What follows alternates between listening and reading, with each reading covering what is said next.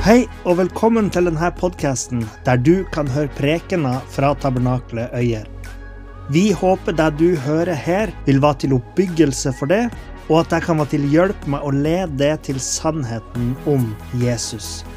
Hvis du ønsker å finne ut mer om oss, kan du gå inn på hjemmesida vår på tabernakletoyer.no.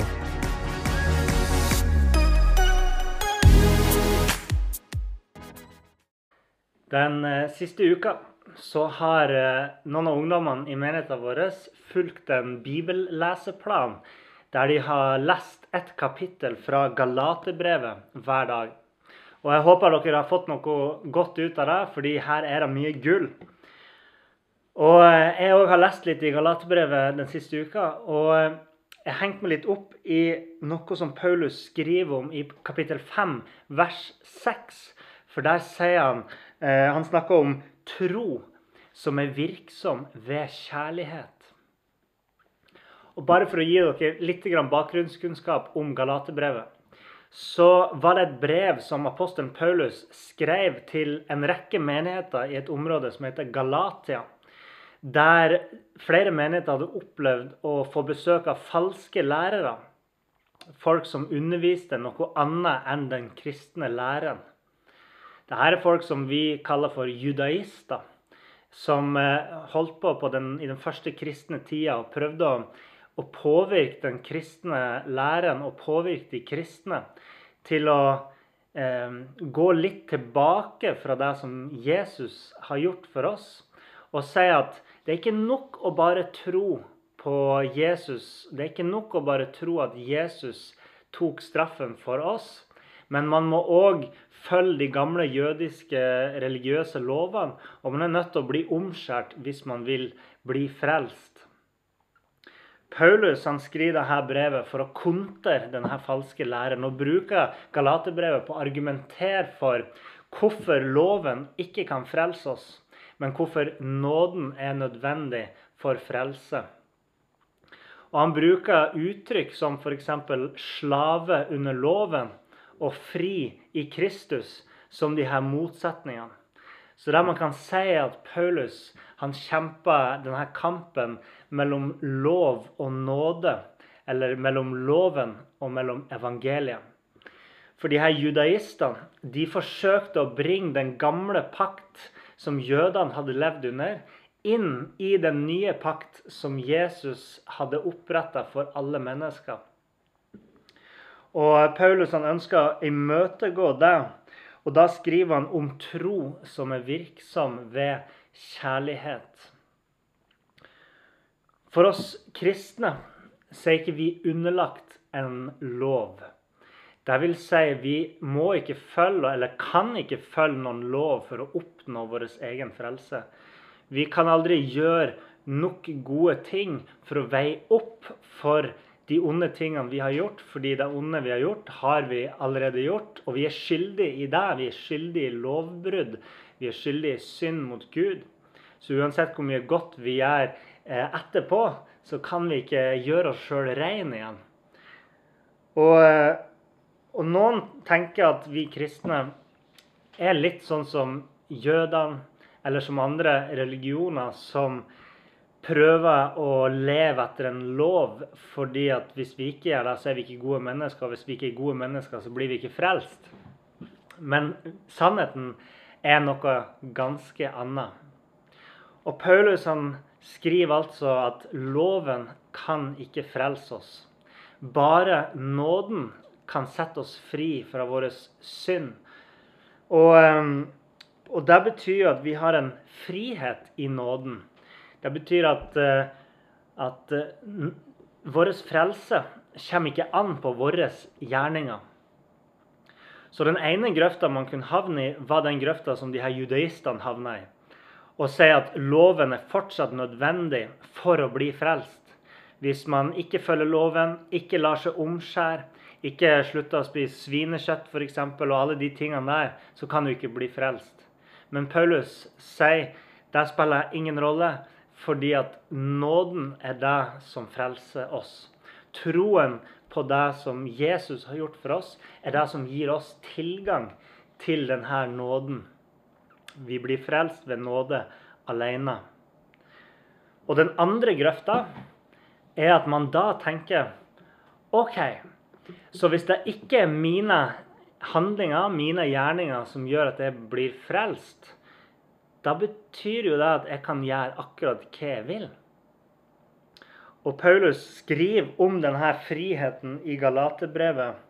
Eh, I kapittel 5, vers 13, så skriver han Bruk bare ikke friheten som en anledning for menneskenaturen.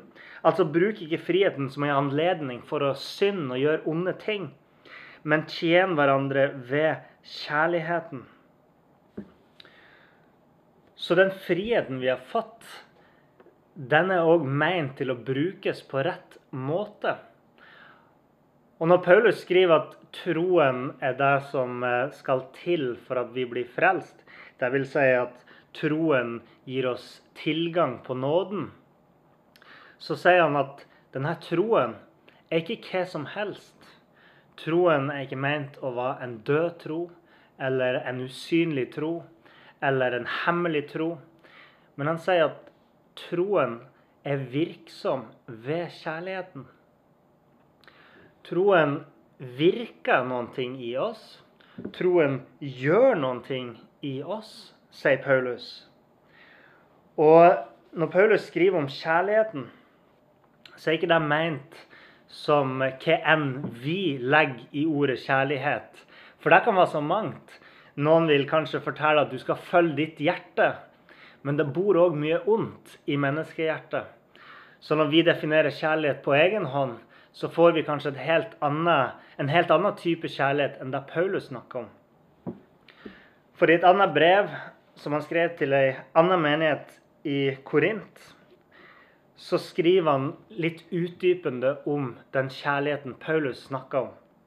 Og Hvis vi leser fra første Korinterbrev, kapittel 13, kanskje et av de mest kjente kapitlene i Bibelen, så skriver han om kjærligheten at kjærligheten er ikke misunnelig. Kjærligheten skryter ikke, er ikke oppblåst. Den oppfører seg ikke umoralsk, søker ikke sitt eget, lar seg ikke opphisse, tenker ikke ut noe ondt. Den gleder seg ikke over urett, men gleder seg i sannheten. Det vil si at den kjærligheten som Paulus snakker om, bærer med seg noen moralske implikasjoner for vårt liv, for vår tro. Når han skriver at troen skal være virksom ved kjærlighet. Og Paulus han skriver han setter et motsetningsforhold mellom to ting. Det ene er menneskenaturen, som vi hørte om. Og det andre er åndens frukt. Paulus sier at de som tror, de skal være fylt av Den hellige ånd. Og ånden skal føre til god frukt i vårt liv, som f.eks. kjærlighet, glede, fred, tålmodighet, vennlighet, godhet og sånne ting. På den andre sida, sier Paulus, så har du menneskenaturen. Og hvis vi som troende følger menneskenaturen, så vil vi leve i gjerninger og utføre gjerninger som er, ekteskapsbrudd, urenhet, skamløs utukt, avgudsdyrkelse, trolldom, hat, stridigheter, sjalusi, vrede, sjølhevdelse, splittelser, partier, misunnelse, mord, drukkenskap, umoralsk festing og andre slike gjerninger. Så Paulus ramser opp liksom mange eksempel på ting som eh, ødelegger livene våre som bryter ned oss mennesker, og vil at de troende skal søke Den hellige ånd og bli fylt med de fruktene som Ånden gir oss. Og når vi leser om denne kjærligheten som Paulus snakker om, når vi leser om åndens frukter, når vi leser om det Paulus kaller menneskenaturens gjerninger, så hører vi med en gang at hvis vi skulle ha levd opp etter de tingene, hvis vi skulle ha levd i den kjærligheten, hvis vi skulle ha levd ut åndens frukt hele vårt liv, og hvis vi skulle ha unngått menneske, kropp, menneskenaturens gjerninger hele vårt liv, så hadde vi aldri kunnet oppnådd frelsen. For jeg vet at i mitt liv så er det ikke alltid åndens frukt som har kommet ut. Og noen ganger så er det òg eh, menneskenaturens eh, gjerninger som har manifestert seg i mitt liv. Men Paulus skriver om tro som er virksom ved kjærlighet. Og Det betyr ikke at vi skal følge en lov eller å leve et liv på en spesiell måte for å oppnå frelsen. Men fordi vi har fått frelsen fra Gud, så gir vi vår kjærlighet til Han. For hvis vi virkelig elsker Gud, så vil vårt liv òg vise det. Og hvis vi virkelig har fått Den hellige ånd inni oss, så vil Åndens frukt manifestere seg i vårt liv. Og vi vil kjenne eh, hvordan vi begynner å hate denne menneskenaturen. Hvordan det gjør vondt inni oss når vi synder imot Gud. Hvordan vi ønsker å vende oss bort ifra det gamle. Og hvordan vi ønsker å vende oss til det som er godt. Og det er litt som i et ekteskap. Hvis man virkelig elsker den man er gift sammen med, så kommer de gode gjerningene mot sin ektefelle naturlig. Og eh, det er ikke sånn med Gud at, at vi skal gjøre gode ting mot han for at han skal bli mer fornøyd med oss, sånn at vi kan bli frelst, eller mer frelst, eller mindre fortapt. Men vi lever livene våre for Gud fordi vi elsker Han. Akkurat som man gjør mot mennesker som man elsker, så gjør man ikke onde ting mot dem, men man gjør gode ting. Man viser dem kjærlighet. Og vår tro skal være en tro som er virksom ved kjærligheten. Gud velsigne dere alle. Takk for at du hørte på. Hvis du tok et steg i tro i dag, eller du har noe du ønsker forbønn for, så vil vi gjerne høre ifra det via e-postadressen kontakt alfakrølltabernaklet.no. Du er òg velkommen til våre ukentlige gudstjenester i menighetslokalet i Haugskutua 5 26 36 Øyer.